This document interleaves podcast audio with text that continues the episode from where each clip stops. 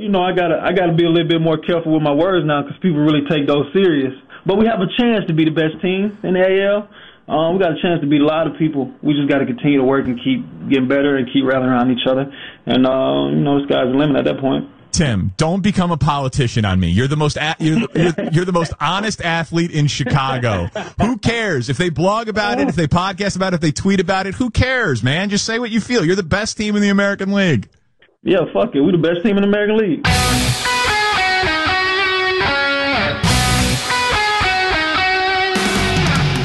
Ja, hallo en welkom bij een nieuwe aflevering van de Just a Bit Outside podcast. De enige echte MLB-podcast van Sport Amerika, waarin we weer een update geven over de laatste nieuwtjes richting dat nieuwe honkbalseizoen, wat er dus langzaam aan begint aan te komen. En ik, eh, Justin Kevenaar, ga dat allemaal bespreken met Jasper Roos.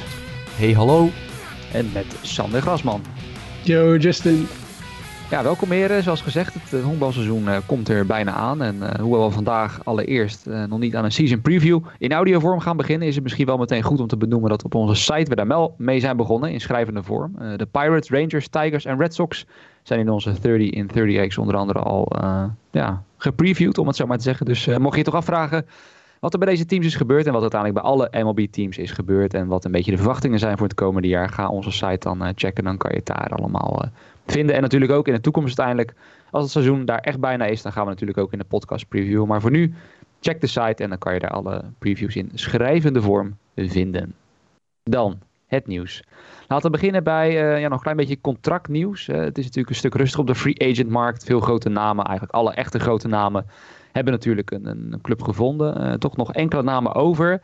Sander, waaronder nou ja, bekende van jou, hè? JBJ, Jackie Bradley Jr., was lange tijd free agent. Tekent nu uiteindelijk voor twee jaar bij de Milwaukee Brewers. Ja, wat uh, gaan de Brewers aan hem hebben, Sander? Ja, een geweldige fielder hebben ze binnengehaald. Um, ja, daar, dat, daar is hij gewoon zijn gewicht in goud waard. En een heel wisselvallige slagman. Het, hij heeft periodes dat hij, dat, dat hij alles raakt wat, wat er voorbij vliegt. En, en heeft hij ineens power, heeft hij, kan hij uh, een hoog slaggemiddelde halen. En vervolgens twee maanden dat hij echt uh, niks raakt.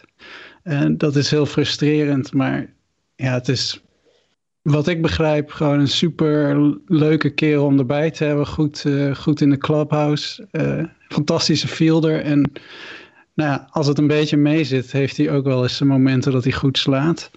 hij was op zoek naar volgens mij dat de geruchten gingen dat hij voor een uh, langduriger contract wilde gaan. Hij heeft uiteindelijk dus een uh, tweejarig contract getekend voor 24 miljoen. Ja, meer zat er denk ik dus niet voor hem in. Een terugkeer naar Boston was al een beetje uitgesloten met de, de trades en de free agency hadden gehaald. Dus ja, hij heeft nu dan eindelijk onderdak gevonden en ja, eieren voor zijn geld gekozen, denk ik, voor dit, met dit tweejarige contract. Maar waar gaat hij spelen, is de grote vraag. Ze kunnen er met drie opstellen. Ja, en volgens mij loopt er nog een Gold Glove centerfielder rond in Milwaukee. In de vorm van Lorenzo Kane. Ja. Dus wat dat betreft uh, heeft hij misschien niet de plek gekozen... waar hij automatisch meteen in de, in de starting line-up uh, op, de, op de acht positie ingevuld kan worden. Maar ze, ja, ik vind 12 miljoen toch wel veel voor een beperkte slagman... die toch echt van zijn, uh, van zijn veldspel moet hebben. Dus, ja, en dan, dan komt, misschien dan de komt, leeftijd van Kane. Hè, nou ja, dan komt Craig Council, die kwam naar buiten en zei... nee, uh, Kane is onze center fielder. Oké, okay, nou, dan gaat Jackie Bradley naar het links of het rechtsveld of zo. Want ja, je hebt ook niet de luxe op, op dit moment van een DH of zo... waar je eventjes iemand naartoe kan schuiven. Dus ik, ik weet niet, uh, ik, zie nog niet helemaal voor me... Misschien dat ze denken dat Kane weet ik veel, rechtsveld moet of zo. Maar ja, daar staat Jelic, dus wie ga je naar... wat ga je daarmee doen? het is niet, uh, nee, het is niet heel... Heel logisch eigenlijk. Nee, ja, het is inderdaad bijzonder. Ze hebben eigenlijk vier startende kaliber outfielders voor drie plekken inderdaad. En wat je net zegt met die DH inderdaad, die er niet gaat komen, waarover we straks nog gaan, gaan praten, is het bijzonder. Uh, ja, het defensief op zich natuurlijk wel, ja, stel dat je met hem en, en toch Kane, dat je dat weet in te passen. Hè. Ze hebben eerder ook Colton Wong gehaald. die defensief best wel zijn mannetje staat op het, op het tweede honk. Uh, nou, nou, het, het, het, is echt wel defensief zit het wel goed in elkaar. Maar. Het is wel serieus iets om even over na te denken. Als je kijkt naar, naar het roster, het is, ik bedoel, het is, de Brewers preview is dit natuurlijk niet, maar ik vind dit altijd hele fascinerende moves. Je besteedt als club 24 miljoen dollar en twee jaar aan een outfielder die, zoals uh, Sander terecht zegt, gewoon niet kan slaan eigenlijk. Ja, ik bedoel, de, soms kan hij drie weken goed slaan, maar dan volgens is hij weer vier maanden EFK. Uh, en dan komt hij bij een team waar op dit moment, zonder dat Jackie Bradley op het roster staat nog, want dat contract is blijkbaar nog niet helemaal 100% uh, afgehandeld enzovoort enzovoort. Het moet nog even getekend en, en medisch getest worden. Staan er zeven outfielders op het roster van de Milwaukee Brewers, waarvan er nou, in ieder geval drie startend kaliber Major League outfielders zijn.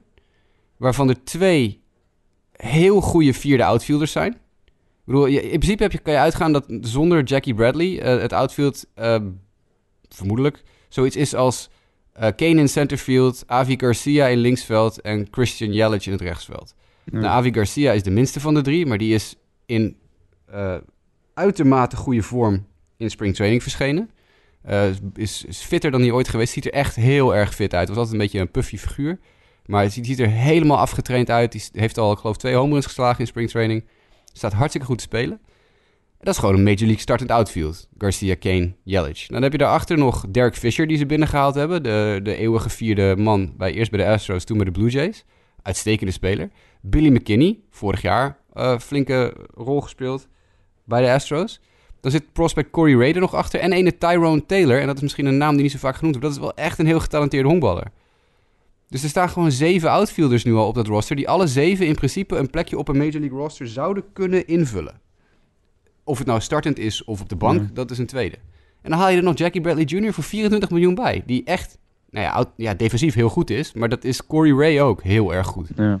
En Derek Fisher is ook echt geen slechte defensieve outfielder. Natuurlijk niet het niveau Jackie Bradley. Maar hoeveel outfielders heb je nodig? Ja, ja ik zie dat Fangraphs voorspelt dat Jackie uh, naar right field gaat. Yelich naar links en Lorenzo Kane center. Ja, en dat zou dus betekenen dat Avi Garcia naar de bank gaat. Ja. Ah, ze, ze hebben een soort kan, maar... platoon hier.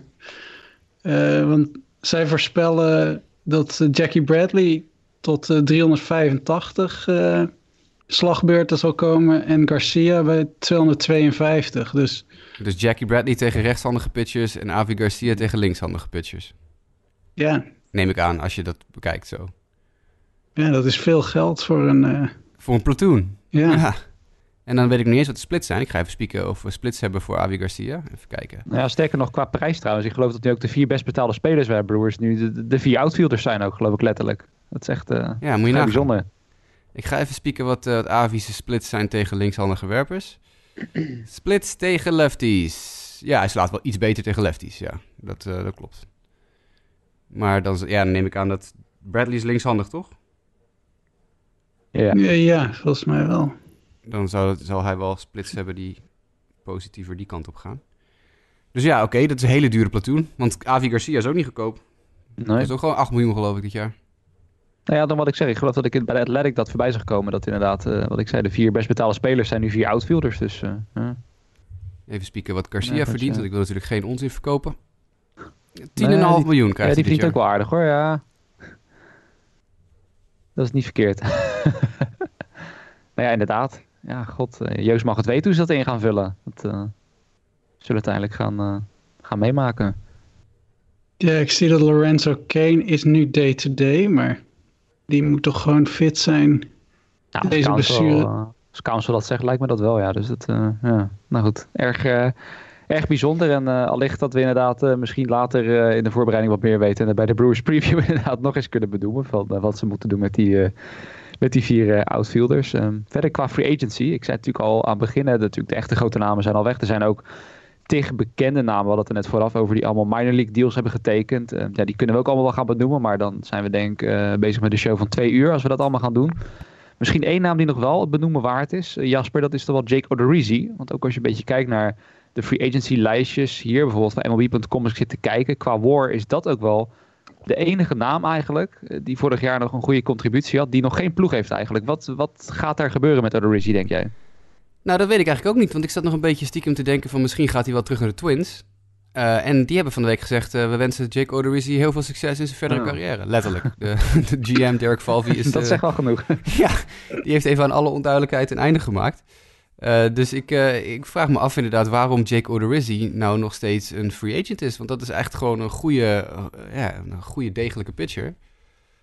En die, ja, die, op een of andere manier komt hij niet aan de bak. En ja, tuurlijk, hij is niet goedkoop. Wat heeft hij afgelopen tijd verdiend? Ook pak een beetje iets van, nou, 10 miljoen of zo. Ja, ja hij, wil, hij wil 10 miljoen per jaar ongeveer krijgen. Nou, dat is niet super goedkoop. Maar ehm, ja, ik, ik vraag het me af. Ik weet niet wat, waarom die... ja, waarom dat, waarom dat zo lang duurt. Hij verdiende afgelopen jaar 17,8 miljoen bij de Twins. Nou, ik kan me voorstellen dat de Twins zeggen dat is een beetje te veel van het goede. Maar hij is pas 30. Ik bedoel, ja, 22 wedstrijden gewonnen in de laatste drie seizoenen. Dit is wel een pitcher die toch, je zou zeggen, ergens terecht kan. Is er nog een rotation die een gat heeft waar hij... Nou ja, ik zit dan Ja, even op MLB kan. Trade Rumors te kijken. Daar wordt Toronto onder andere genoemd. En dan zit ik even te kijken. Die hebben Ryu, Ray, Rourke, Matt, Stripling. Ja, per se het allerslechtste. Eh, ja, de Astros worden natuurlijk genoemd. Misschien ook wel, het staat later in onze... eh, in, in ons draaiboek. Eh, maar die worden genoemd vanwege het nieuws van Framber Valdez. Natuurlijk, hè, de werper die daar... Heel, heel, logische, heel logische plek zou dat zijn, hoor. Precies, dus die, zijn, die worden nu genoemd. Want Framber Valdez, nou ja, misschien Jasper dat jij het zelf kan uitleggen, die, die lijkt er voorlopig uit te gaan liggen. Eh, dat Odorizzi misschien dat dan op kan gaan vullen. Ja, Framber Valdez, dan springen we even een klein stukje vooruit in het draaiboek, want het staat ietsje verderop. Maar ehm, die heeft een gebroken vinger en daar moet hij aan geopereerd worden. En dat, eh, dat schijnt nogal lang te gaan duren, dat herstel. Dat wordt gesproken over misschien wel een jaar eh, wat die kwijtraakt.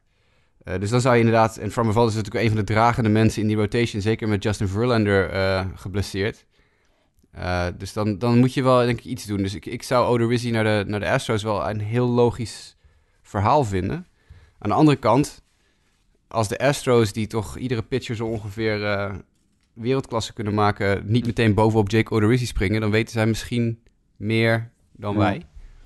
Maar ehm, ja, er zijn, er zijn toch wel. Ik, ik kan me ook voorstellen dat Jake Odorizzi zegt: ik ga niet naar een team als, weet ik veel, de Baltimore Orioles of zo, of een team dat nergens naartoe gaat dit jaar. De, de Seattle Mariners, die, die hebben ook nog wel een pitcher nodig. Die zijn ook een paar kwijtgeraakt. Maar ja, de Mariners Ja. gaan natuurlijk niks winnen dit jaar. Nee, dan. Die, eh, ze maakten gisteren een triple play. Heb je gezien, Justin?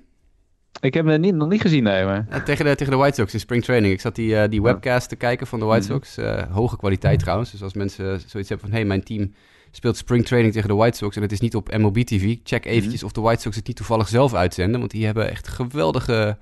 echt hoge kwaliteit eh, web, webstreams tegenwoordig. Ehm, en toen met de honken vol sloeg Jose Abreu in een triple play. Eh, grounder naar, eh, naar drie en dan over thuis over één en terug naar thuis. Want Tim Anderson probeerde te scoren vanaf twee. Dus die bleef maar doorrennen vanaf twee. Hij was ruim safe.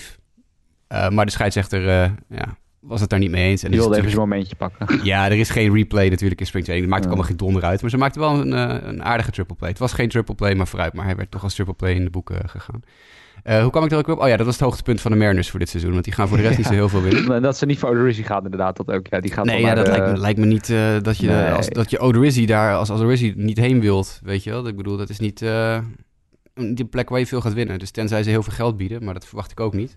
Want de Mariners hebben andere problemen, maar daar komen we zo meteen op. Ja, daar komen we zo meteen zeker nog op. Eh, maar eh, houden we ongetwijfeld in de gaten waar Odorizzi eventueel heen gaat. Eh, ja, over problemen gesproken. Laten we maar het rijtje beginnen. Want er zijn het afgelopen offseason, ook de afgelopen tijd, eh, de nodige personen in MLB in de problemen gekomen. Vanwege eh, ja, niet bepaald goed gedrag. Laten we beginnen met Mickey Callaway. En dan geef ik het dan weer even terug aan jou, Jasper. Want jij attendeerde ons van de week op artikel in Athletic. Eh, want eh, rondom Mickey Callaway, de voormalige Mets manager, ook pitching coach bij de Indians onder andere. Is nu bekend dat hij eh, ja, wat vrouw onvriendelijk is. En van de week in Athletic kwam eigenlijk nog meer naar buiten. Ook vooral vanuit zijn tijd bij Cleveland. Dat men daar misschien wel meer wist dan de buitenwacht dacht. Ja, er werd altijd geclaimd, zeker toen het hele gedoe met Callaway uitkwam een jaar geleden of zo, het is een maand of wat geleden, eh, dat hij dus eh, op allerlei manieren inderdaad niet heel, eh, heel goed in de omgang met vrouwen is. En vieze, vieze eh, eh, sms-berichten en foto's en dat soort dingen rondstuurde en een eh, buitenechtelijke relatie had en noem het maar op. Eh, toen werd er gezegd, nou, daar wisten we helemaal niks van bij Cleveland. Dat hebben we nooit, nooit geweten. We zijn geschokt. Nou, dat blijkt allemaal gewoon niet waar te zijn, want er zijn gewoon bronnen binnen de Cleveland Indians die inmiddels aan de Athletic verteld hebben. Nou, ik denk dat iedereen tot aan de koffiejuffrouw wist dat je niet in de buurt bij Mickey Callaway moest komen. Want dat was gewoon een ontzettende, echt een ontzettende hufter. Uh, en daar is natuurlijk allemaal bewijs van, uh, van nu. Uh, en dan blijkt ook weer dat, dat Terry Francona al lang en breed op de hoogte was van Mickey Callaway's transgressies. En daar dus totaal niet mee, mee bezig is geweest. Gewoon echt gewoon, ja, zelfs geprobeerd heeft om de boel nog verder in de doofpot te stoppen. En toen kwam Terry Francona's zoon, Nick Francona, op Twitter nog even eroverheen. Waarin hij zijn vader helemaal uh, onder de bus sodemietert. Uh, dat blijkt dat Terry ook wel een handje heeft, misschien van niet altijd even goed omgaan met dit soort situaties, ook in thuissituaties. Dus um, ja, het, de, de, boel staat een beetje in de fik in Cleveland. De, de Callaway was natuurlijk al, die is nog steeds niet ontslagen. Hè? Hij staat nee. nog steeds op de loonlijst officieel bij, uh, bij de Indians, bij de Angels. Angels, ja. Uh, en uh, we worden nog steeds onderzocht. Maar ja, dit is gewoon een heel terug situatie. Dit is, nee. uh, dit, is, niet, is niet goed voor de sport honkbal. Callaway blijkt natuurlijk zijn hele leven al vanaf het moment dat hij een high school of, of minor league honkballer was, achter de vrouwen aangezeten te hebben. Um, dus ja, het is, het is treurig om te lezen. Ik, ik raad het artikel wel aan. Het is een heel goed geschreven artikel natuurlijk weer. Maar ja, het is, uh, de, de, situatie aan zich is, is eigenlijk heel treurig voor de Indians, is treurig voor Francona, is treurig voor eigenlijk iedereen. Ja, en het gaat ook eigenlijk nogal verder dan de Indians, hè? want de, de Mets worden toch ook wel genoemd als uh, een organisatie waarmee, want het gaat dus om een buitenechtelijke relatie dat uh, aangekaart is door de echtgenoot van de vrouw met wie die Callaway dan een relatie heeft. En die heeft alle teams waar Callaway onder contract heeft gestaan, uh, gebeld op het moment dat zij in zee gingen met hem. En ze verwittigt van, van dit hele, deze hele historie. En uh, dus ook de Mets kunnen niet meer zeggen dat ze nergens van wisten op het moment dat ze hem aanstelden. Ze hebben het gewoon uh, bewust genegeerd. Ze zijn er niet achteraan gegaan. En de Indians hebben het zelfs, die hebben nog wel een soort van poging gedaan om erachteraan, maar ook zo halfslachtig dat je ja, ook gewoon een de mantel der liefde. Terwijl dat lijkt me niet op zijn plaats hier. Ja, nou, en Sandy Alderson van de Mets gaf ook aan hè, dat, uh, dat, ze, dat ze het voortaan wel iets beter moeten gaan uitzoeken als ze iemand aannemen. Ja, dit is een drie op rij. Drie op rij, waarbij ze gewoon hopeloos uh, man, man, man. bezig zijn. Ik bedoel, je hebt natuurlijk uh, naast Callaway heb je ook nog de Beltron hire ge gehad, die ook wel dubieus was. En vervolgens nog de GM die er in december al uitgedonderd is. Dus het is niet de Mets zijn niet heel erg goed in het doen van uh, achtergrondonderzoek, blijkbaar. Nee, terwijl aan dat geld kan het liggen. En dat verbaast me nog het meest. Ik bedoel, je, kan toch allemaal privé-detectives inhuren, toch? Om allemaal dit soort uh, dingen, dingen uit te zoeken. Maar ja, dan, dan zou je al snel kunnen concluderen, dan boeit het ze dus blijkbaar niet. Uh, als, je, toch al die geluiden hoort van, van Keller, wat je zegt, dat ging echt al heel lang terug. Ik kan mij niet vertellen dat ze ook toen bij de Mets, dat, dat ze geen één geluid opvingen van, hmm, Mickey uh, heeft wat dingen gedaan die niet helemaal kosher zijn in het verleden. Nee, en, en, en dan ook de, de verhalen nog dat hij uh, bezig is geweest. Dat, dat, er is dus een, de man van een vrouw met wie Calloway een buitenechtelijke relatie had, is erachter gekomen. Ja. En die heeft vervolgens de boel aan het rollen gebracht. Precies, en die heeft ja. het bij MLB te sprake gebracht. Die heeft het bij de Indians te sprake gebracht.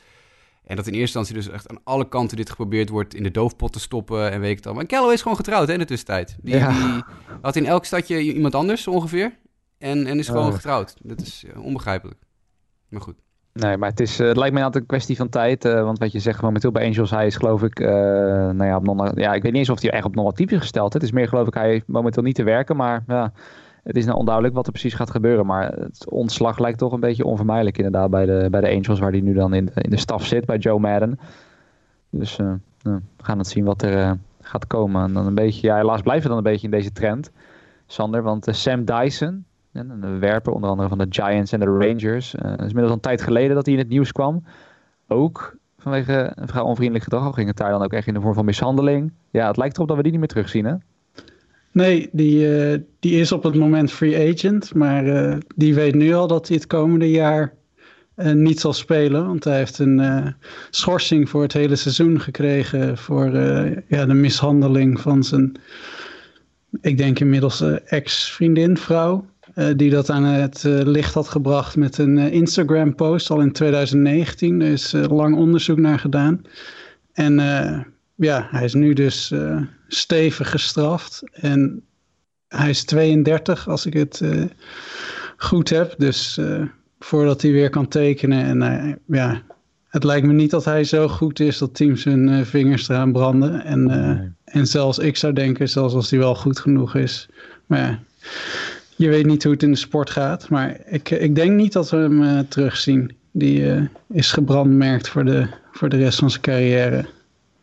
Nou ja, dat zonder meer. En wat je zegt inderdaad, het is vaak bij dit soort sporten helaas nog wel. Als je inderdaad heel goed bent, dan uh, ja, zeggen ze wel gekscherend. Dan maakt het niet uit of je een dictator bent geweest. dan, dan, dan, dan, krijg je nog een contract. Maar in het geval van Sam Dyson denk ik dat het ja, dat hij niet genoeg kan brengen dat, uh, dat teams zullen zeggen van nou, daar, dat, dat, die shitstorm die willen we over ons heen gaan krijgen als we hem eh, binnenhalen. Dus ik denk dat het ook meteen uh, einde MLB carrière is voor, voor Sam Dyson. In het verlengde daarvan, wel goed om te benoemen dat Domingo Herman, de jonge Yankees-werper, die natuurlijk vorig jaar niet in actie kwam, die had ook een domestic violence geval waarbij hij betrokken was, kreeg toen een schorsing van 80 plus wedstrijden.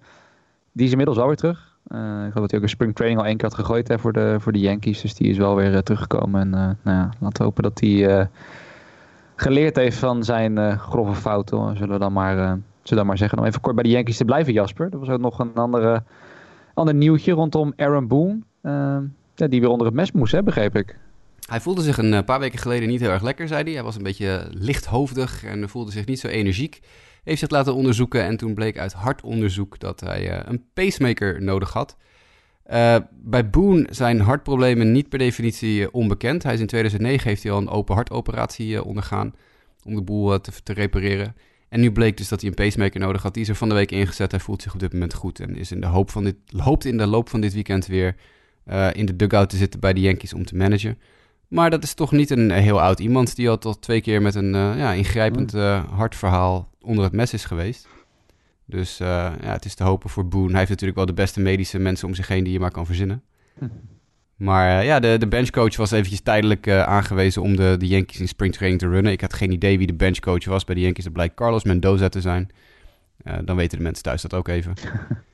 en ja, goed, uiteindelijk, als alles goed gaat, en dat lijkt er wel op, is Boone gewoon weer over een paar dagen terug. Ja. Uh, in ieder geval iemand die niet meer uh, terugkomt, dat is uh, Kevin Mathers. Want we hadden het net over de Mariners. Waar ook al het een en ander te doen was. Kevin Mathers, ik denk dat veel mensen zullen denken, wie, wie, is dat in hemelsnaam? En dat is de voormalig CEO en president in de, inmiddels van de Seattle Mariners. Want Jasper, ook, ook dit was wel een verhaal ja, waarbij je van mijn mond wel open viel van hoe kan je zo dom zijn? Ja, het is stuitende domheid. Is het, ik, ik weet niet wat deze man bezield heeft. voor de mensen die het gemist hebben, Kevin Mathers heeft tijdens een soort besloten Zoom-meeting, Zoom-conferentie met zijn country club, waar hij dan toe behoort, want alle rijke mensen moeten natuurlijk bij een country club horen, dat is status. Heeft hij wat verteld over zijn werk en over de club, enzovoort, enzovoort. En daarin is hij gigantisch zijn boekje te buiten gegaan. En heeft hij onder andere zijn irritatie uitgesproken over het feit dat een Japanse speler een tolk nodig had. Eh, die heel veel geld kostte. En heeft hij uh, allerlei andere onwijs domme dingen geroepen over servicetijd. Dat Jared Kellenick, de grote jonge minor league ster van de Mariners, uh, een, enorme contractverlenging heeft aangeboden gekregen. En die heeft afgeslagen. en dat Mathers toen vervolgens gezegd heeft: Nou, dan speel je voorlopig ook niet in de Major League, want dan gaan we je servicetijd manipuleren.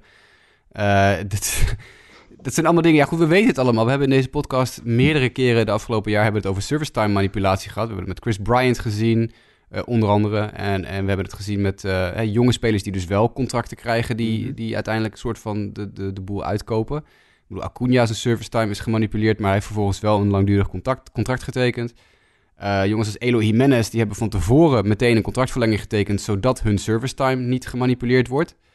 Uh, Waardoor ze natuurlijk waarschijnlijk nog steeds wel wat geld mislopen. Maar uh, in ieder geval niet zoveel als wanneer ze een heel jaar voor niks extra moeten spelen.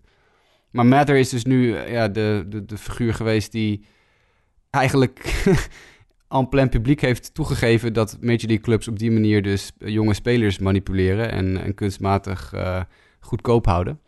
En ik denk dat los van het feit dat 29 andere eigenaren en front offices daar ontzettend pissig over zijn. Kijk, iedereen weet het, maar je moet het gewoon nooit, nooit toegeven. Uh, is dit natuurlijk ook gewoon heel dom om het toe te geven. Want nu heb je, ja, heb je een, uh, een president die uh, inderdaad ontslag heeft moeten nemen. En ja, laten we vooropstellen dat dit niet nieuw is. Maar het is prima dat die, dat die opge, opge, opgezout is. Ja. Maar ja, het is, het, is weer, het is weer typisch... Um, ik wil niet zeggen typisch Mariners, maar die hebben zich natuurlijk de laatste twee jaar wel weer een paar keer ontzettend hun handen gebrand aan dit. Ik weet je nog dat schandaal dat met het racisme in de front office bij de scouts Mhm. een paar jaar geleden, dat er, ons, dat er op ontzettend racistische manier gepraat werd over Dominicaanse en eh Puerto Ricaanse spelers door, Ja. eh, door oudere scouts. Ze hebben natuurlijk die hele kwestie gehad met die vrouwelijke medewerker, die front office medewerker, die op echt de meest schofterige manier is behandeld die je maar zo'n beetje kan verzinnen. Eh, en Jerry Podo die al een paar keer in zijn eigen, in zijn eigen poep is gaan staan, bij wijze van spreken. Dus eh, het is... eh, nee. Ze hebben gaat- de bingo kaart wel redelijk vol nu, Ja. denk ik. Met alle Ja, dus dingen het is- die... Het is niet een organisatie die je heel vaak koppelt aan schandaaltjes of aan, aan dit soort dingen. Maar als je het bij elkaar optelt in de laatste vier, vijf jaar... hebben we er toch wel, denk ik, vier, vier vijf gehad... waarvan je denkt, mwah, ik zou toch maar even twee keer nadenken... voortaan om bij de Mariners te gaan werken. Maar goed. Nou ja, en ook deze Matters inderdaad. Ik bedoel, buiten het feit om, hè, dat hij dus inderdaad al die dingen toegeeft waarvan iedereen vermoedt dat het gebeurt. Eh, dat hij misschien daarbij zo'n beerput opent van, nou kijk, het is dus inderdaad zo. Alle vermoedens worden bevestigd. Ook nog inderdaad gewoon die comments die hij maakte, geloof ik ook over, eh, ik ben even de naam van de Japanse werper in kwestie kwijt, maar eh, met, met zijn vertaler, dat ze daar eigenlijk niet voor wilden betalen. En toen ze dat niet meer deden, kon meneer ineens Engels spreken. En Ja, allemaal zo... Uh, zo bizar ook over die top prospect dat hij inderdaad uh, lichte racistische dingen zei. Het is allemaal. Uh, nou ja, we, hebben het over, we hebben het over een, over een, een miljardenbedrijf. Die, Precies, die, het translator, die translator kostte wat? 300.000 dollar per jaar of zo? ja. Ik bedoel, het is niet zo dat je daar... Dat is, dat is, dat is een tientje voor een gemiddelde mens. Als je het vergelijkt met hoe, hoe groot die club is. Er lopen, er lopen, toch ook, er lopen toch ook Latino-vertalers rond bij dat soort clubs. Ja, die doen meerdere spelers. Want ja, soms heb je wel acht of negen of tien, misschien Mhm. wel meer Latino's in je, in je team... die het Engels niet zo goed machtig zijn. Ja, dan heb je één en dezelfde vertaler... die al het vertaalwerk voor die jongens doet. Ja, en als je toevallig één Japanner hebt... ja, dan is die relatief gezien duurder natuurlijk. Want je hebt één persoon waar je 300.000 dollar extra voor moet betalen. Maar wat is 300.000 dollar nou? Goeie, Ja. goeie gig trouwens hoor, vertaler zijn in de Major League blijkbaar. Ja. Kan je, kan je goed mee verdienen. ja, dat is... In het literair vertalen heb je dit soort prijzen niet. Nou, Hoe- hoeveel talen is Mathers zelf eigenlijk machtig? ja, dat vraag ik me ook eh, af, ja. ja. Nee, maar het is wel. eh, Dit is trouwens ja. wel een reden waarom we natuurlijk meer Nederlandse prospects in de Major League willen hebben. Dan kunnen we ook nog wat geld verdienen. Ja, precies, inderdaad. Het enige wat jammer is dan weer dat Nederlanders vaak alweer Die redelijk spreken goed Engels, ja. spreken. Dat Dat, is dan weer balen. dat is toch weer balen, inderdaad. Eh, Nee, maar wat je, wat je net zegt, dat ik bedoel, de Mariners die hebben de afgelopen jaren wel meer geld, eh, geld verspeeld aan spelers. En dan ging het om veel meer geld. Dus dan kan Het de is- die heeft tenminste nog nut, zeg maar. Die doet neem ik aan zijn werk goed. Het komt natuurlijk gewoon puur uit, uit, uit discriminerende en racistische gedachten komt dit voort om dit soort dingen te gaan roepen. Van, oh, toen kon die ineens wel Engels, toen we, toen we hem dwongen om het Engels te leren. Ach, houd toch op, man. Je wilt toch dat die... Heel veel van die spelers, en ik heb hier ook wel eens over geschreven op Sport Amerika, is, die, die spreken echt wel Engels. Maar zeker die Japanners, die, en Ichiro heeft daar ook heel veel over verteld in het verleden, zeker in de eerste paar jaar, dan kunnen ze echt wel zich redden in het Engels. Maar in Japan is het gezichtsverlies als je je niet goed hè, perfect kunt uiten in, in, in, in taal. Ja. Dus heel veel van die jongens doen het niet omdat ze bang zijn om verkeerd geïnterpreteerd te worden. Of bang zijn dat ze gezichtsverlies lijden of dat ze iets doms zeggen. En daarom hebben ze nog vertalers. Er lopen zo ontzettend veel Latino-spelers in de Major League rond die prima Engels kunnen. Maar bang zijn om iets te zeggen wat verkeerd uitgelegd wordt, wat verkeerd begrepen wordt. En dat ze vervolgens een dikke rel aan hun broek hebben hangen. Jose Abreu is daar een heel mooi voorbeeld van. Die spreekt al jaren gewoon prima Engels. Maar die doet al zijn persconferenties meestal nog met een vertaler erbij. En Billy Russo is dat dan bij de White Sox. Die doet alle Latino eh, vertaalwerk voor de jongens. Maar hij spreekt prima Engels. Ik bedoel, hetzelfde Ja. verhaal. Eloy Jimenez, om even bij dezelfde club te blijven en de spelers te blijven, die heeft een paar jaar geleden gezegd: Ik wil binnen de kortste keren zo goed mogelijk Engels spreken, zodat ik alle interviews in het Engels kan doen en dat ik met jullie kan praten. Nou, die heeft in twee jaar tijd, als je die interviews van twee jaar geleden hoort, dat, hij probeert het echt en hij verdomt het om een vertaler erbij te hebben. Hij doet het echt wel zijn best, maar het, het is bijna niet te volgen. En nu is het, nu is het, nu ratelt hij in, in één stuk door. Nu is Eloy Jimenez is de vertaler voor Louis Robert. Hm. Ik bedoel, dat, is, dat kan natuurlijk ook. Maar heel veel van die jongens zeggen gewoon: ik wil niet mezelf belachelijk maken door in een taal te praten die ik niet 100% machtig ben. Nou, dan heb je er toch vertalers voor. Dat heeft niks met Ja. onwil te maken. Dat heeft gewoon te maken met het feit dat die jongens niet zichzelf verschut willen zetten.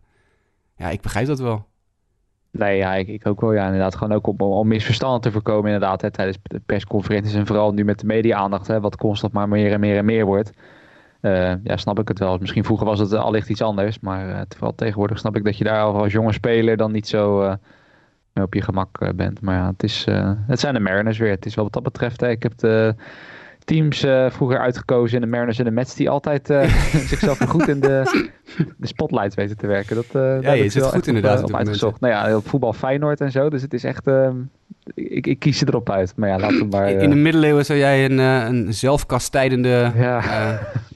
figuur zijn. Je zou, iedere avond zou jij met zo'n zo'n zweep jezelf op je, op je rug zitten slaan. inderdaad, dat, dat, zou je dan wel denken, ja. Nou goed, laten we doorgaan. Um, Sander, je liet ons net al weten, je bent bezig met, uh, of jij bent uh, bezig geweest met de Kansas City Royals preview op onze site. Dus dat maak je ook meteen de Royals scanner voor, uh, voor nu. En daar was ook wel wat nieuws bij. Hè? Hunter Dozier, de voormalig first round pick van de Royals, die zijn contract met vier jaar verlengd.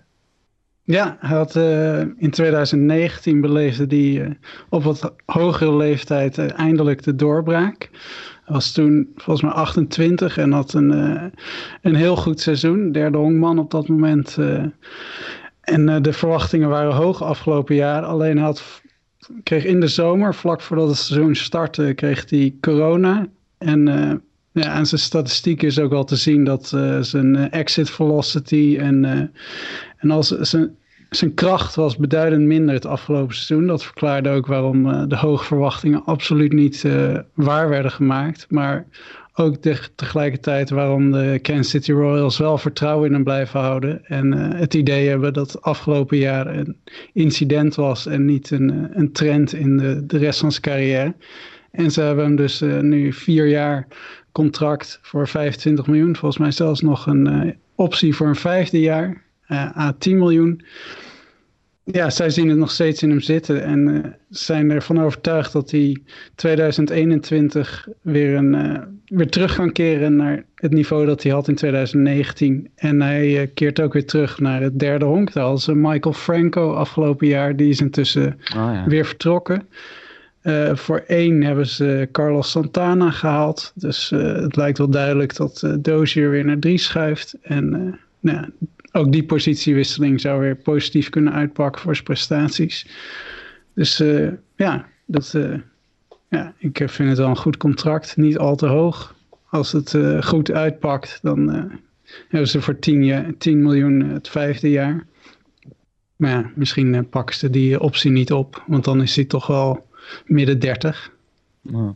Nee, als je het kijkt naar de status die Hunter Dozier had als prospect uh, een jaar of wat geleden, dan is dit een koopje. hij, was echt, hij werd gezien als de prospect in de Royals organisatie in die tijd. In een organisatie die best wel redelijk goed in de prospect zat. Of goed was in ieder geval in het opleiden van prospects. Je hebt ook achter elkaar toen uh, handenvol homegrown talent in Kansas City uh, succes zien hebben. Eric Hosmer, Mike Moustakas, Lorenzo Kane, uh, Jordano Ventura, noem ze maar op. Allemaal dat soort jongens. Zach Greinke, Alex Gordon.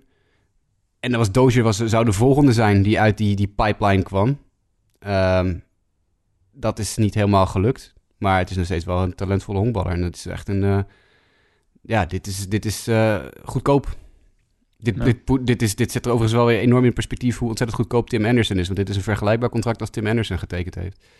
Dus uh, Hunter Dozier verdient evenveel als de batting champion van vorig jaar.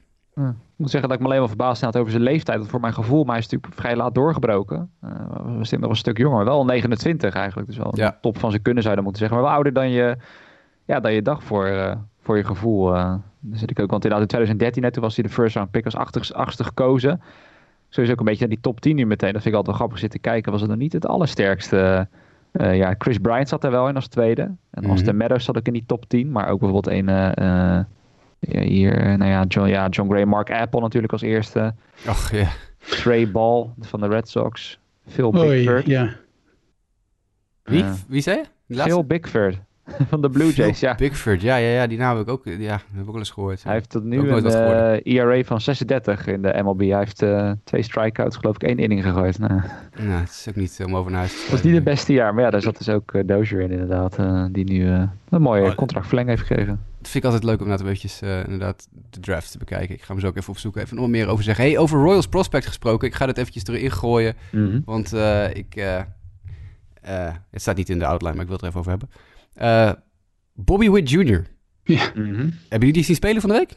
Ja, Inside the Park Homer, toch? Ja, heb je gezien? Stel die gast dus. Ja, Dat is echt absurd. Dat, ik bedoel, ik heb die gast echt wel een beetje gevolgd. Zo rond zijn draft een paar jaar geleden. En dat was echt wel een goede high school speler. Mhm. Maar niet dat je denkt van, nou oké, de het is ja, oké, hij was top 3 draft pick. Dan ben je wel echt heel goed. Maar echt een jongen waarvan je denkt, oh, die heeft nog jaren nodig om ja, in zijn lichaam te groeien. En, en om, om de, de rauwe tools die je echt wel zag toen aan hem, om die verder te ontwikkelen. Die jongen is in twee jaar tijd echt waanzinnig goed geworden. En Ja, die kan de, de verwachtingen zijn gigantisch. Als je dat leest, dan... eh, eh, ik, ik heb vorig jaar ook de preview geschreven en toen, eh, toen ging het nog allemaal over naar 2022. Dan, eh, dan, dan moeten we er staan, want dan komt Witt Jr. eh, op. Maar het begint langzamerhand op te lijken alsof hij nou, in ieder geval een jaartje eerder wel eh, de overstap kan gaan maken. Ze zijn ontzettend onder de indruk van zijn ontwikkeling. Ja, het is echt... Maar ik, ik had hem een tijdje niet zien spelen. Natuurlijk vorig jaar geen minor league seizoen geweest. En eh, hij heeft natuurlijk wel Ja. wat eh, alternate site werk gedaan. Volgens mij heeft hij niet de majors gedaan vorig jaar, toch? Of wel? Of heeft Nee. hij een bed of twee gehad in september? Nee, Nee. dacht ik ook niet. Dus ik heb hem een jaar niet zien spelen. En ik had me daarvoor wel eens een wedstrijdje meegepakt op minor league baseball TV of zo. Maar dit, dit is echt... Die jongen heeft een enorme ontwikkeling doorgemaakt in een jaar tijd. Het is echt waanzinnig. Is Ja, echt, want hij eh, zat in dat eerste jaar in, eh, in de organisatie, zat hij nog met Daryl Collins in het, eh, in het team. Ah ja, tuurlijk. en daar ja. waren zijn, eh, zijn statistieken waren prima, maar Collins sloeg daar echt de pannen van het dak. En, eh, maar de, die, die zit er... Volgens mij heeft die, is die nog niet opgeroepen voor springtraining, toch? Volgens mij ook niet eens Nee. alternate site Oh, vorig jaar. nee, nee, nee. Was in Nederland actief. Nou, klopt. Nee, nee, goed. We gaan het, eh we gaan Ik heb even de, de, de 2013 Major League Baseball Draft tevoorschijn getoverd, toch? Ja. Want die was ik even geïnteresseerd om even een paar namen eruit te lichten die ook in de Hunter Dozier, het Hunter Dozier jaar zaten.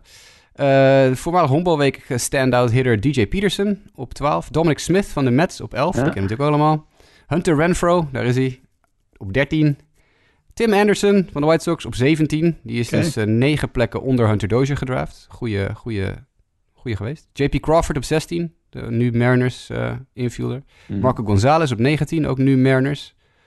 Eh, Hunter Harvey van de Baltimore Orioles. Nu nog echt wel een goede pitcher ook. Chichi Gonzalez, kennen we ook nog. Hebben we ook nog wel gezien. Billy McKinney zit nog in die eerste ronde. Travis Demerit zit nog in die eerste ronde. En daar een zekere naam op 32 in de compensatory round. Aaron Judge van de New York Yankees.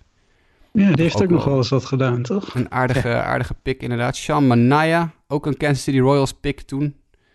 Zit er nog in de eerste ronde. Corey Knebel, de voormalig eh, massive eh, closer van de Brewers. Michael Lorenzen van de Reds zit nog in de eerste ronde. Ryan McMahon van de Ro- eh, Rockies. Trevor Williams. Eh, Andrew Knapp, waar we vorige week nog een uh, woord, of geleden nog een flauwe woordgrap over hadden. Devin Williams, de Rookie of the Year closer of eh, reliever met de extreme change-up, zat nog in de tweede ronde.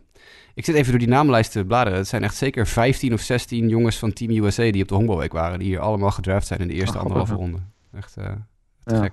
Nou ja, en later inderdaad, ik zit ook meteen er, er doorheen Cody Bellinger, vierde ja, Bellinger ronde. wil ik net zeggen inderdaad. Dat voor 2013. het geval je niet doorscrolt, die mis je dan nog. Dat is ook een eh, Jeff McNeil. Mike Yastrzemski, Kevin Biggio, Andrew Benintendi. Niet ja, alleen getekend die zijn niet getekend inderdaad. Nee, niet getekend. Nee, het zijn zeggen, allemaal jongens eh, die later de majors hebben gehaald. Maar, ehm, er zitten nog wel aardig wat eh, jongens. Hoeveelste pick was Trey Ball van eh, de Red Sox? hoog. Nummer Eh, 9, 7. 7. Ja, die is... Eén die- één plek voor Dozier. De, de spelers na Ball waren Dozier, Meadows, Bickford, Dom Smith, Peterson, Renfro, Maguire, Shipley, Crawford, Anderson. Daar zitten, eh, ik geloof, zeven major leaguers achter.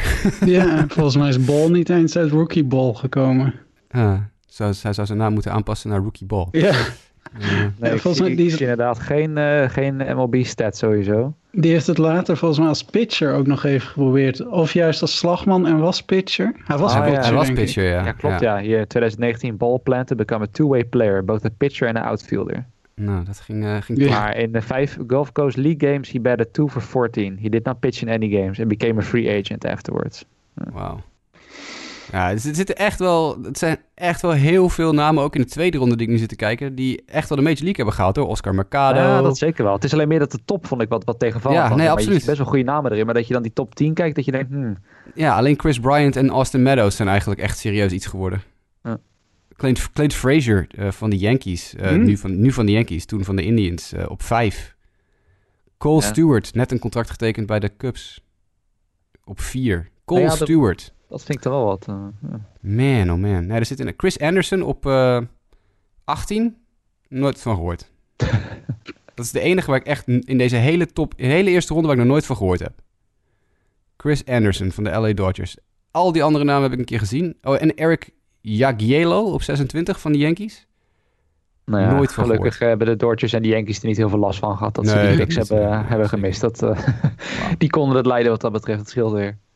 Nou goed, dat eventjes een eh, niet eh, voorzien uitstapje in het programma. Ik ben altijd gek op terugkijken Ja, naar oude zeker. drafts, net als jij. Dus dat is Wel wat eh, leuk inderdaad, vooral als je een beetje ver genoeg zit inderdaad. Dat je echt duidelijk kan zeggen van, nou deze gasten hebben het gered en deze gasten die, Precies, ja. die werken inmiddels ergens op kantoor en hebben geen honkbalcarrière meer. Dat is altijd wel leuk om, om te Ja, ik kijken. denk, dat, ik denk dat Eric Jagielo eh, geen honkbalcarrière meer heeft. Zullen we Nee. kijken? Nou ja, Trey Ball dus ook niet meer. Nee, die werkt Nee, ergens als free agent. Die Ja, wond was eindelijk dicht en die is nu even weer opengereten. Mooi man. Nou, Jagielo is een free agent inderdaad. Die heeft, Nee, eh, precies. komt uit Downers Grove, Illinois. Dat, eh, daar komen meer eh, major leaguers vandaan. Onder andere Zach Birdie. De reliever Kijk. van de White Sox komt uit Downers Grove. Goed voor om te weten voor een quizvraag eventueel ooit. Maar eh, Als je ooit iets over... eh, eh, oh, oh. Hij heeft een claim to fame over quizvragen gesproken. Eric Jagielo. nou, Hij is getrade ooit door de Yankees. Voor wie? Speelt nog steeds bij de Yankees. Trade. Aroldis goeie zijn. Chapman. oh zo. Ah, Kijk, Hij zat in de Aroldis Chapman trade. Toen de Yankees Chapman van de eh, Reds haalden. Nou ja, zie je, dan hebben ze het wel echt wat aan hem gehad. ja, ja. Eric Jagielo was onderdeel van de Aroldis Chapman trade. nou, maar goed, inderdaad. eh, le- leuk als de uitstapje zo. Volgende week doen we wel weer een andere draft. ja, eh. dit is een soort van... eh, voor de, voor nee, de mensen die nee, naar... God. eh, hoe heet het luisteren? De, de Pak Schaal podcast van VI met Freek Jansen en Arco Gnocchi. Als, je, als ze daar weer een spelerspaspoortje doen. Dat is een beetje een soort van iets wat, eh, wat dit ook is. Misschien moeten we ook Ja, maar spelerspaspoortjes gaan doen. Ja, zo, dat zit dat bij MLB. Is, kan het ook wel echt knijten lastig worden, dat vrees ik. Maar Absoluut, ja. ja. dat, eh, Ja, we, zijn, we zijn eh, niet bang voor een uitdaging, toch? Dat zeker niet, dat zeker niet. Dat is een goede voor in de, voor in de toekomst. Laten we er even een paar nieuwtjes eh Ja. nog bij pakken. Zo richting het einde. Allereerst ehm, ja, Brian Snitker, eh, de Braves manager. Die, eh, ja, Jasper lijkt er wat langer te gaan blijven. Hij heeft get- getekend voor twee jaar, optie voor jaar drie. Dat lijkt me niet meer dan logisch, toch? Voor deze manager. Volkomen eh, logisch. Prima werk verricht. Volkomen logisch. Ja, hij doet het prima. En eh, de Braves doen het goed. En Snitker doet het goed. Hij ligt goed bij de spelers. Hij ligt goed bij de fans. Hij ligt goed bij de media. Waarom niet? En keurig Ja. ook drie jaar. Want meestal krijg je dan van die... eh, of zelfs een optie voor een derde jaar. Meestal krijg je gelijk van die vijfjarige deals. Zoals Girardi dan Hm. kreeg van de Yankees ooit. Weet je wel, dat soort dingen. Nee hoor, gewoon twee jaar optie voor derde jaar. En we kijken wel verder. Prima. Alleen wel meteen dat dat Mike, die eh, heeft onze, eh onze draaiboekje gemaakt. Meteen de goede ook inderdaad. Die vroeg, wie zit er op de hot seat? Dat vond ik zelf wel een... eh, ja, het wel lastig. Ik weet niet, Sander, heb jij daar ideeën over? Van welke managers echt moeten gaan oppassen naar jouw idee dat het dit jaar niet undergeperformed wordt? ja, ik eh, zag hem ook voorbij komen. Ik, ja, eh, Ja, dat is een goeie, hè? het zijn denk ik de teams. Er zijn natuurlijk teams die gaan het, het waardeloos doen. Eh, kijk even naar de Baltimore Orioles. Maar, maar die, gaan, die, die calculeren dat in. Ehm, ik ben zelf geen fan van eh Matheny bij Kansas City Royals. Maar gaan ze die eruit gooien dit seizoen? Ja, denk het niet. Die verwachten vierde te worden. Die zullen wel vierde worden. Nee. Francona, is, eh, dat, dat, die zit natuurlijk wel enigszins op hete kolen nu, denk ik. Maar verder, ja, coaches die, die die stap niet gaan maken. Maar eh, de Blue Jays gaan die de stap maken. Maar ja, gaan ze Montoyo eruit gooien? Denk het niet. Die heeft het gewoon uitstekend gedaan afgelopen jaar. En ik verwacht het eigenlijk ook dit jaar wel. Dus ja, ik weet eigenlijk niet zo goed wie, eh, wie ik op de... Misschien de Cubs, David Ross, maar gaan ze er ook niet aan gooien? Nee, dat ging, dat ging hartstikke goed vorig jaar. Ik bedoel, de Cubs hebben niet zo... Ik heb toevallig de preview, eh, of de, de 30 en 30 preview voor de Cubs zitten schrijven gisteren, die over een paar weken online komt. Eh, het resultaat van vorig jaar was natuurlijk dat ze gewipt werden in de playoffs. En het was niet altijd even goed, maar gezien de situatie heeft Ross het vorig jaar echt heel goed gedaan. daar. dus ik verwacht dat hij, eh, dat hij safe zit. Ik ga er een paar noemen. Eh Tori Lavollo van de Diamondbacks. Tuurlijk, Ja, dat is- Diamondbacks hebben geen goed team, dus het is misschien niet helemaal zijn schuld. Maar goede managers kunnen van slechte teams ook goede, in ieder geval een beetje acceptabel eh, tevoorschijn komen. Uh, Bud Black van de Rockies. Denk ik absoluut dat hij op de hot seat zit. Ah, ja. Niet zozeer vanwege Bud Black, maar die club gaat gewoon nergens heen. Ja, gaat instorten. Ehm, dat denk ik echt wel. Uh, ik verwacht ook... Uh, waar is hij? Uh, misschien... Nou, twijfel ik aan. Dirk Shelton van de Pirates. Maar ja, ook daarvoor geldt weer. Dat is wel echt gewoon een heel slechte club. Ik had ook Matheny op mijn lijstje staan. Wat, uh, wat Sander ook al zegt. En dan Chris Woodward van de Texas Rangers ook. Die heeft het vorig jaar heel slecht gedaan. En heeft ook heel veel fouten gemaakt. En is deze spring training ook al een paar keer behoorlijk negatief in opspraak gekomen rondom andere clubs. Want er is dus een nieuwe regel dit jaar bij spring training. Dat je ten eerste speel je maar zes of zeven innings in een wedstrijd. Dat is de afspraak. De club mag zelf bepalen of het zes of zeven zijn. Maar dan hebben ze ook de rollover rule nu. En de rollover rule is eigenlijk heel simpel. Uh, op het moment dat je pitcher 20 pitches of meer heeft gegooid, mag je ervoor kiezen om de inning te beëindigen. En dat Oh, hebben ja. de Rangers nu al, ik geloof, negen keer gedaan. In drie verschillende wedstrijden. Iedere keer als uh, de pitcher een klein beetje in de problemen komt, trekken ze de stekker uit de inning. En dan eindigt de inning. Nou, dat is natuurlijk, ten eerste is dat vrij laf. Want ik bedoel, uh, kom op. Je bent er om te honkballen. Je bent er niet om, als, als het een beetje heet onder je voeten wordt, om meteen weg te rennen. En ten tweede zitten er gewoon mensen in die springtraining stadions die geld betaald hebben voor een kaartje. En die krijgen op deze manier gewoon geen honkbal te zien. En ten derde, je wilt toch juist je jonge pitchers in zo'n situatie, of je pitchers überhaupt, in zo'n situatie uh, ja, laten wennen aan het feit, oh shit, ik heb de honken vol, ik moet mijn best even gaan doen. Ook in springtraining, daar is toch springtraining voor. Maar Chris Woodward trekt om de havenklap, het gebeurde van de week in één wedstrijd drie keer. Dat hij in drie verschillende innings de honken vol kreeg, terwijl die, uh, de Rangers in het veld stonden en dat hij gewoon de stekker eruit trekt. Van, nou, ja, ik heb geen zin meer. Ja, nou, nou sorry hoor. Dan, dan, dan, dat, dat toont een beetje hoe... Dat toont zijn managementstijl. Dus ik denk dat Chris Woodward absoluut een kandidaat is om eruit gesodemieterd te worden. Maar dat is toch ook wat je wilt, wilt trainen? Want Tuurlijk. las uh, de, de Red Sox zijn nu bezig. Die hebben een, een lab ingericht waarbij ze wedstrijd... Uh, situaties zo reëel mogelijk kunnen nabootsen om hun infield verdediging te versterken. Nou, dan heb je in springtraining gewoon daadwerkelijke spelsituaties. En dan met mensen op de honken. Dus echt nou ja, waar ze goed kunnen oefenen. En er staat toch niet zo heel veel op het spel. Ik snap er echt helemaal niks van. Speel dat gewoon uit. Goed Tony La Russa kwam, uh, kwam na afloop, het gebeurde onder andere tegen de White Sox. En die zei na afloop van, nou luister, dit gaan wij dus in de toekomst niet doen. en die heeft vervolgens een dag of twee later, heeft hij, had hij een rookie pitcher op de heuvel staan. En die jongen werd echt getorpedeerd. die heeft hij gewoon laten staan. die heeft, God. wat nou stekker eruit trekken. Pitch, pitch je weg er maar uit, leer je ook van. Moest ik wel om lachen, vond ik wel grappig. Ja. Nou ja, ik denk qua, qua managers dan nog om daar even op terug te komen. Ik denk dat jouw suggesties inderdaad wel het meest... Uh, realistisch zijn. Ik stel nog te kijken naar Scott Service van de Mariners. Uh, moet ik zeggen, die heeft wel een verlenging gekregen in 2018. Uh, samen met Jordi Podo. Mhm. Mm -hmm. Maar ik meen, al kan ik het nergens echt bevestigd zien krijgen, dat hun contract. Nou ja, dat dit het laatste guaranteed jaar is voor ze.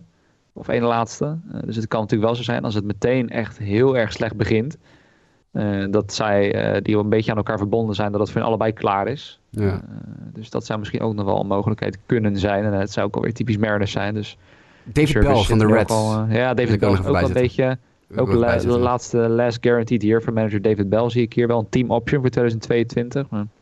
Nee, ik, ik denk dat hij ook nog wel eens een keer... Als dat niet lekker loopt, dan uh, denk ik dat ze dat uh, ook voor gezien houden. Weet je wie de manager is die het langst uh, op, de, op de stoel zit? Om het even de positieve gooi te gooien. Op dit moment? Ik zet twee, die, twee American League managers zijn de, de twee die het langste zitten. Eentje zit wel iets langer dan de ander. Is dat Melvin dan? Ja, dat is Bob Ja. Melvin. Ja. Tien jaar alweer bijna zit hij bij de Athletics. Terry Francona zit eh, acht en acht jaar en een beetje bij de Indians. Dat zijn de twee die er met afstand het Ah langste ja, zitten. Franconi zit ook al lang. Ja. Ja, voor je Ja. denk natuurlijk meteen terug aan Boston, maar inmiddels zit hij al, uh, al een tijdje Ja. in, uh, Tien 2011. jaar. Bob Melvin zit al tien jaar. Ja, niet bij de makkelijkste franchise, eh, Nee. toch zeggen. Dat Dat, doet eh, hij, doet hij goed. toch, eh, toch prima voor elkaar. Om dan nog even Ja. door te gaan. Laatste nieuwtjes. Eh, een van die dingen is, dat eh, stond ook op onze site, meen ik. Dat de discussies hè, over de uitgebreide playoffs en de designated hitter voor 2021 stil liggen. Ehm, ja, Sander, dat is denk ik niet heel erg gek, hè, want dat had wel heel raar geweest als ze dat nou nog, aan de andere kant ook weer typisch MLB, eh, ineens last minute nog hadden ingevoerd, toch? Nou ja, ik, wat ik vooral opvallend vond, eh, lees vooral het stuk van, eh, van Jasper op onze site, is Ja. dat, dat de DH gewoon als een eh, bargaining chip wordt gebruikt. dat eigenlijk iedereen voor is. Iedereen, iedereen wil dat. Uh, hartstikke goed uh, om, om nog een extra slagman erin te hebben. We, we, willen toch dat het spel leuker wordt. Iedereen is er blij mee, maar ja, ze willen langere play-offs. MLB, uh, de eigenaren willen natuurlijk meer geld verdienen. En, en dan zetten ze de DH in van ja, dat krijgen jullie pas als we ook een uitgebreidere play-offs krijgen. Terwijl, ja, wat is het 162 durende seizoen waard als de helft de, de play-offs ingaat? Of wat, wat willen ze nu? Wat was het vorig jaar? De helft? Ja, ja dat, dat, is, dat is het idee inderdaad. Een beetje dezelfde soort play-offs als vorig jaar. Uh, maar dan inderdaad wel met een heel seizoen eraan vooraf gaan. Kijk, dat je dat doet als je maar 60 wedstrijden hebt. Oké, okay, ik kan me wel een beetje voorstellen. Je wilt toch een paar extra wedstrijden creëren op, om zo toch nog wat televisiegeld binnen te kunnen halen. Maar in een gewoon vol seizoen, als je gewoon zo meteen 162 wedstrijden gaat spelen als team, hoef je echt geen expanded playoffs te hebben. Dan is er maar één reden. En dat is dat je gewoon nog meer geld wil hebben. Ja. En het, het, is natuurlijk onderdeel van een deal die MLB met ESPN gesloten heeft. ML, uh, ESPN heeft een 100 miljoen dollar credit aan MLB verleend vorig seizoen. Voor het feit dat natuurlijk MLB niet het contract kon inwisselen met ESPN. Hè. De ESPN heeft een contract voor x aantal wedstrijden. Ja, die wedstrijden waren er niet. Dus MLB kon niet leveren waar ESPN voor betaalt. Maar toen heeft ESPN gezegd: Oké, okay, dan geven we je een kredietlijn van 100 miljoen dollar. Mm. Maar dan willen we volgend jaar dat je dat goed maakt, die gemiste wedstrijden, door langere playoffs. Nog een keer, twee jaar op rij. Waarop MLB gezegd heeft: prima, dat doen we. Niet rekening houdend met het feit dat de Players Association nu zegt: ja, maar we willen dat helemaal niet. Want waarom willen, willen, willen de spelers en de vakbond het niet? Omdat de spelers geen geld of te weinig geld ervan zien. Al dat televisiegeld gaat naar de eigenaren. De spelers krijgen altijd, dat is al jaren zo, krijgen een percentage van uh, de recetten. De kaartjes die verkocht worden, mensen die naar het stadion gaan. En natuurlijk in de playoffs, normaal gesproken, in een normaal seizoen zitten die stadions afgeladen vol. Zijn de kaarten ook een stuk duurder, want het zijn playoff kaarten, dus het is allemaal duurder. Dus dan krijgen de spelers, de vakbond en de totale pot van de spelers, krijgen er echt wel eens een aardig percentage van. Maar we hebben niet eens volle stadions nu. En we kunnen er ook niet van uitgaan dat het aan het eind van het seizoen in de playoffs zo is dat er de stadions überhaupt vol mogen zitten. Dus de, de inkomsten van de spelers zijn nou echt fractioneel ten opzichte van wat de eigenaren aan televisiegeld binnenkrijgen. Dus ik kan me heel goed voorstellen dat de spelers en de vakbond zeggen: ja, luister, dat is gewoon, dat is niet, we gaan geen extra wedstrijden spelen en ons lichaam nog extra. 162 wedstrijden is al een ontzettende marathon. Uh, waarom zou ik nog 10 wedstrijden extra gaan spelen en mijn lichaam nog meer op het spel zetten, terwijl ik er geen geld voor zie? Nou ja, zegt MLB precies wat Sander zegt. Dan zegt MLB, nou is prima, als jullie dat niet uh, willen, dan doen wij de DH niet. Hmm. En ik, ik, durf te wedden, zodra de spelersvakbond zegt, oké, okay, vooruit, we doen expanded playoffs, de volgende dag is er ook een DH in de National League. Hmm. Ja, en dat, en dat heb je vorig jaar ook gezien, hè? Dus ja. hebben vorig jaar het hele eerste half jaar dat er niet gehonkbald werd, april, mei enzovoort enzovoort, eindeloos onderhandeld. We hebben het er vaak over gehad. Er leek geen eind aan te komen. Totdat een week voor het seizoen ineens alles in kannen en kruiken was. Hm. DH in de National League, expanded playoffs, alles was ineens toegestaan. Nou, datzelfde, ditzelfde probleem zie je nu gewoon weer. MLB houdt die, die, die, die DH achter de hand als een soort, inderdaad, een bargaining tool, als een soort chantagemiddel misschien wel. Van ja, jongens, jullie krijgen je zin niet als wij onze zin niet krijgen. Heel kinderachtig natuurlijk. En ja, het is nu afwachten wie als eerste met zijn ogen knippert. Ik bedoel, als het de spelersvakbond is, is het binnen twee dagen geregeld. Het grootste probleem wat dit op de lange termijn nog gaat zijn, is dat aan het eind van dit jaar de CBA verloopt, de, de CAO-overeenkomst. De CAO moet ik zeggen, niet de CAO-overeenkomst, anders zeg ik de, de collectieve arbeidsovereenkomst. Overeenkomst. Um, en dat gaat natuurlijk, dit gaat, als dit niet opgelost wordt nu, sterker nog, zelfs als het opgelost wordt, bestaat de kans dat er nu zoveel kwaad bloed in twee seizoenen achter elkaar is eh, ontstaan tussen MLB en de Spelersvakbond. Dat er een werkstaking komt. En dat zou betekenen dat we volgend jaar weer geen honkbal hebben. Of in ieder geval een gedeelte van het seizoen weer geen honkbal hebben. Want de hmm. vorige, wat, vijf, vier of vijf CAO-onderhandelingen zijn over het algemeen heel goed verlopen. Dat was nog uit de tijd van, uh, van Bud Selig ook. Maar sinds Manfred er zit, is de afstand tussen de vakbond en MLB steeds groter geworden. Liggen ze steeds vaker met elkaar overhoop.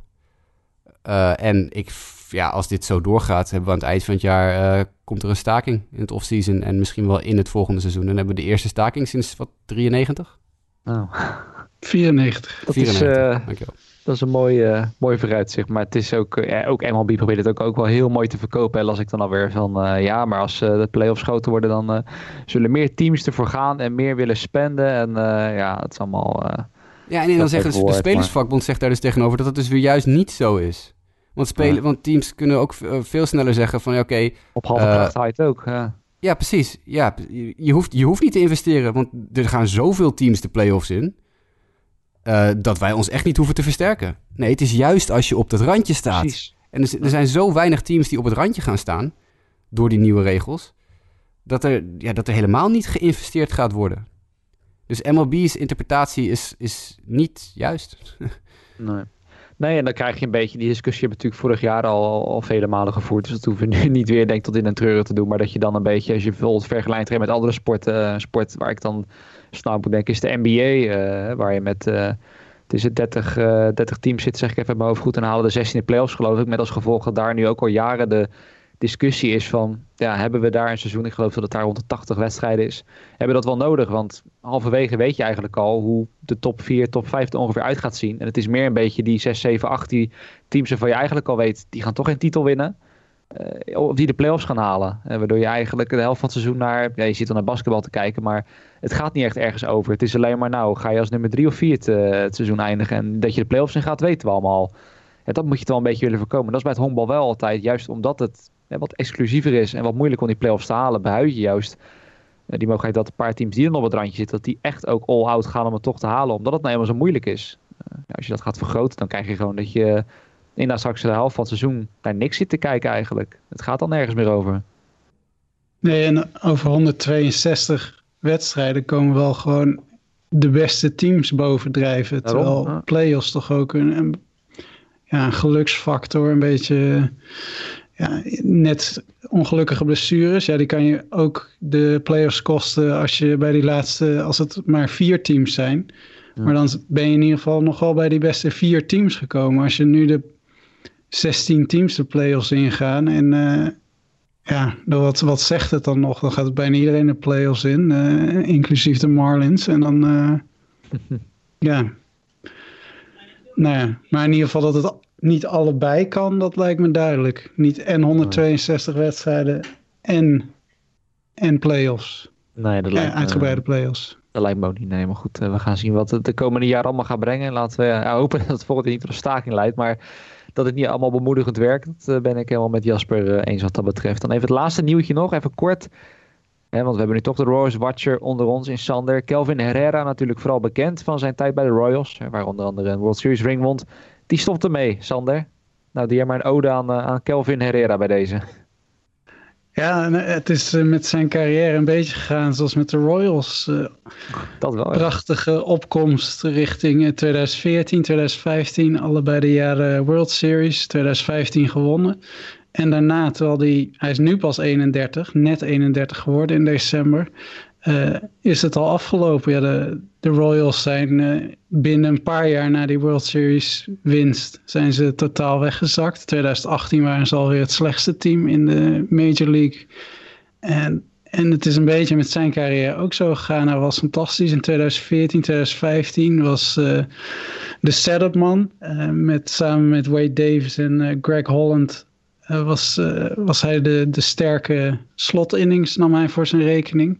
Ge- geweldig gegooid in de postseason. Volgens mij een era van eh 1.4, 1.5 in de World Series. Zelfde cijfers over de hele, eh, over de hele playoffs. Ja, als het moest, eh, dan stond hij er. En eh, hij was toen nog hartstikke jong. Hij is volgens mij gedebuteerd op zijn 21ste. Dus hij heeft toch ook nog wel een betrekkelijk lange carrière gehad. Ondanks dat hij dus al op zijn 31ste stopt. Eh, alleen na 2015 is het snel minder geworden. Had in 2018 nog wel een redelijk seizoen. Maar toen waren de Royals dus snel uitgespeeld. En heeft hij, eh, hebben ze hem uiteindelijk als eh trade bait volgens mij naar Jaspers White Sox is hij gegaan. Eh, ja, prachtige carrière. Toevallig zijn Wade Davis en Greg Holland nu allebei ook na een kortstondig vertrek weer terug bij de Royals. Wade Davis is deze, deze Oh, winter gehaald. Holland volgens mij vorig jaar al.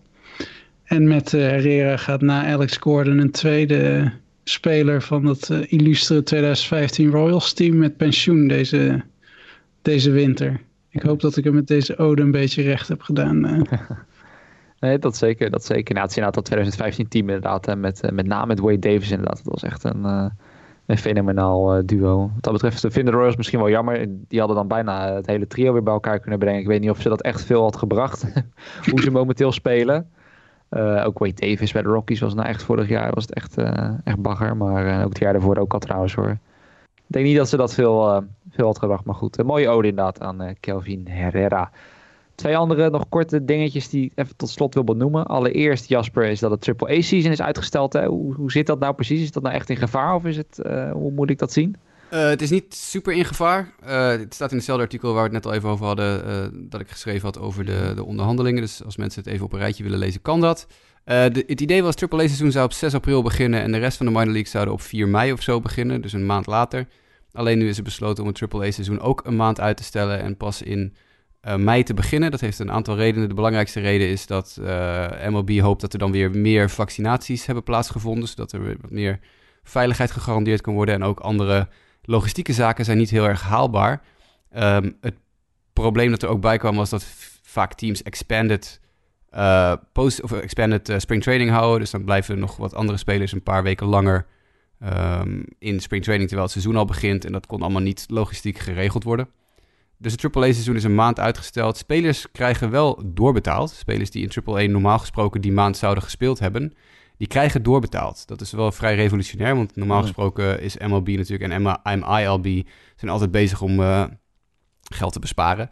Uh, maar ze hebben toegezegd gekregen dat deze spelers, ondanks dat ze geen wedstrijden spelen, wel gewoon hun salaris doorbetaald krijgen. En het betekent de terugkomst van de alternate sites die we vorig jaar al gezien hebben. Dus in ieder geval de hele maand april en misschien zelfs wel het hele jaar uh, houden we dus de alternate site. De alternate site is dan een locatie dichter bij de Major League stadions van clubs. Mhm. Om op die manier de spelers die dicht tegen de majors aanzitten als een soort taxi squad.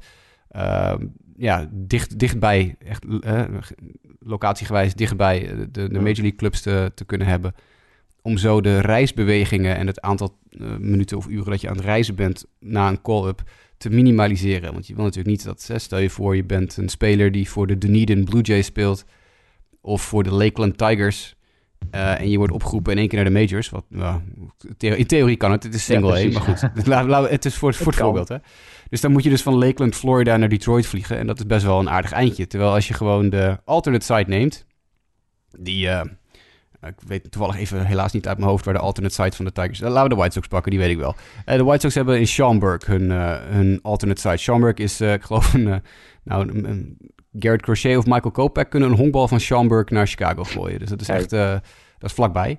Terwijl als je vanuit AAA moet komen, dan moet je uit North Carolina komen, Charlotte. Nou, dat is natuurlijk veel verder.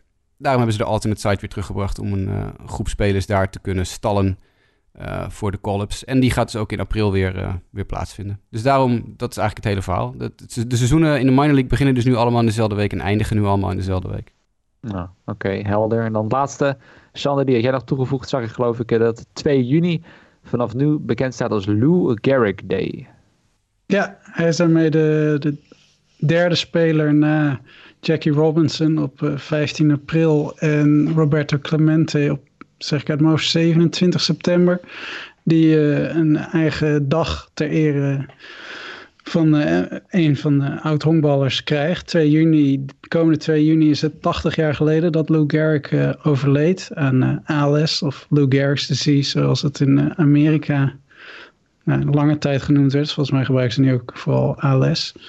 ja, iconische slagman van de, van de legendarische Yankees uit de jaren 20 en 30 samen met Babe Ruth. En dus op heel jonge leeftijd overleden.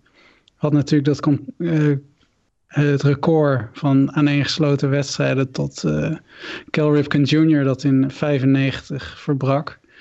Uh, iconische speler en heel vroeg overleden en daarom een uh, mooi eerbetoon. En volgens mij ook een speler van onbesproken gedrag voor zover ik weet. Een icoon.